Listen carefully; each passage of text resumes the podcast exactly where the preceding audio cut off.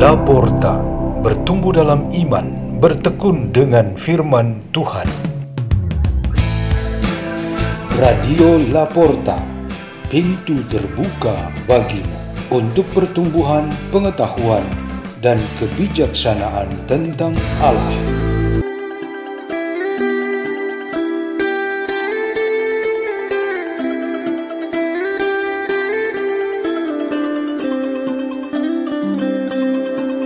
Bacaan dan Renungan Sabda Tuhan Hari Kamis Pekan Biasa ke-27 6 Oktober 2022 Dibawakan oleh Tarsisius Tarsan dan Nimade Sumirati dari Komunitas Pukat Labuan Bajo, Keuskupan Ruteng, Indonesia.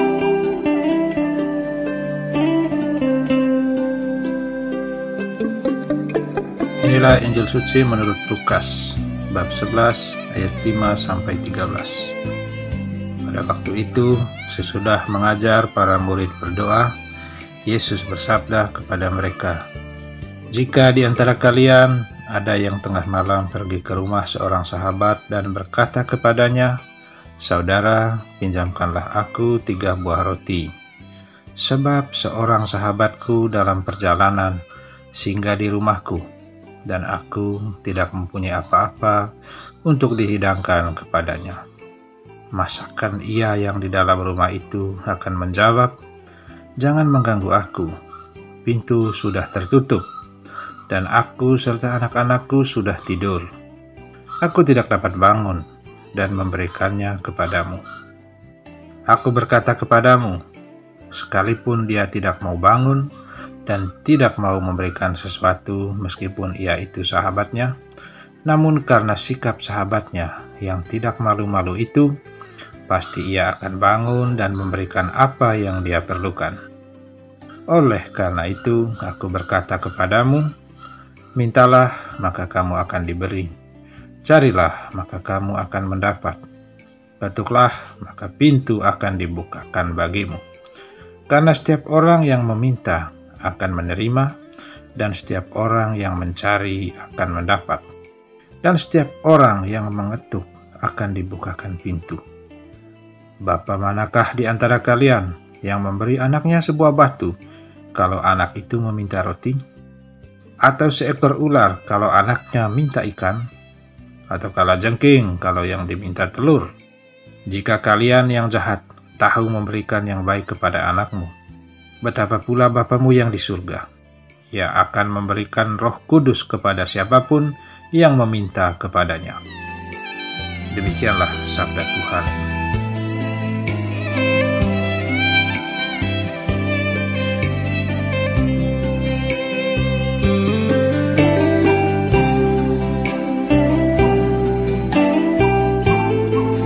Tema renungan kita pada hari ini ialah pintu diketok dari dalam. Sering dipahami bahwa doa ialah cara kita mengetuk pintu hati Tuhan, supaya memperhatikan keadaan kita.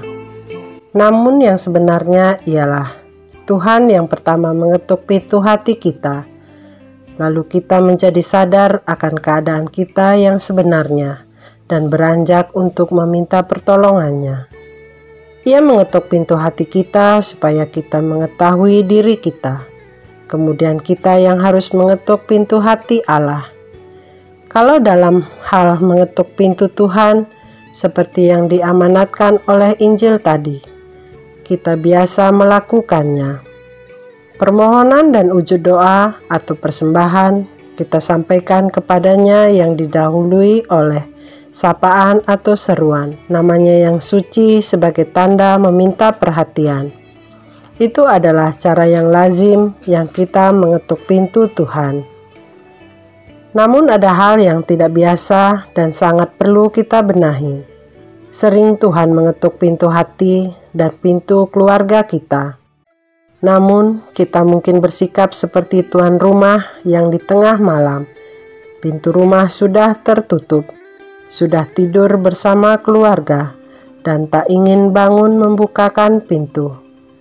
Malas, bosan, malu, takut, dan menolak membukakan pintu adalah sikap-sikap yang sering kita tunjukkan. Ada sejumlah besar orang menolak ketukan pintu dan ajakan untuk menghadiri Ekaristi pada hari Minggu dan hari raya. Ada banyak orang tak menghiraukan ketukan pintu untuk setia mendengarkan dan merenungkan firman Tuhan. Ada begitu banyak orang yang sengaja menyangkal ketukan pintu untuk memilih kebenaran, tetapi cenderung kepada penyebaran berita-berita bohong melalui media sosial. Masih banyak contoh lainnya. Padahal undangan dan ajakan Tuhan ini merupakan pilihan yang lebih baik untuk dapat mengalami kemuliaan dan kebesarannya yang terungkap dalam tanda-tanda nyata kehidupan. Berdoa, berkorban, beramal, berbela rasa, dan berbuat kasih adalah maksud-maksud undangan itu. Adalah lebih tepat untuk mengetuk pintu rumah dan hati manusia dari dalam Maksudnya ialah karena seruan dan desakannya lebih kuat sehingga membangunkan dan menyadarkan orang-orang yang sengaja menutup pintu-pintu mereka dengan kuat. Tuhan berperan mengetuk pintu kita dari dalam, namun juga kita sendiri yang mesti melakukannya itu. Pemeriksaan batin yang rutin, pengakuan dosa yang reguler, dan bimbingan rohani yang teratur merupakan cara-cara mengalami bagaimana pintu kita diketuk dari dalam.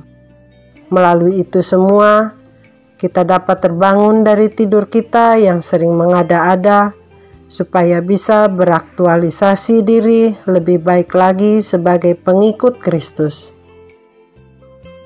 Marilah kita berdoa dalam nama Bapa, Putra, dan Roh Kudus. Amin.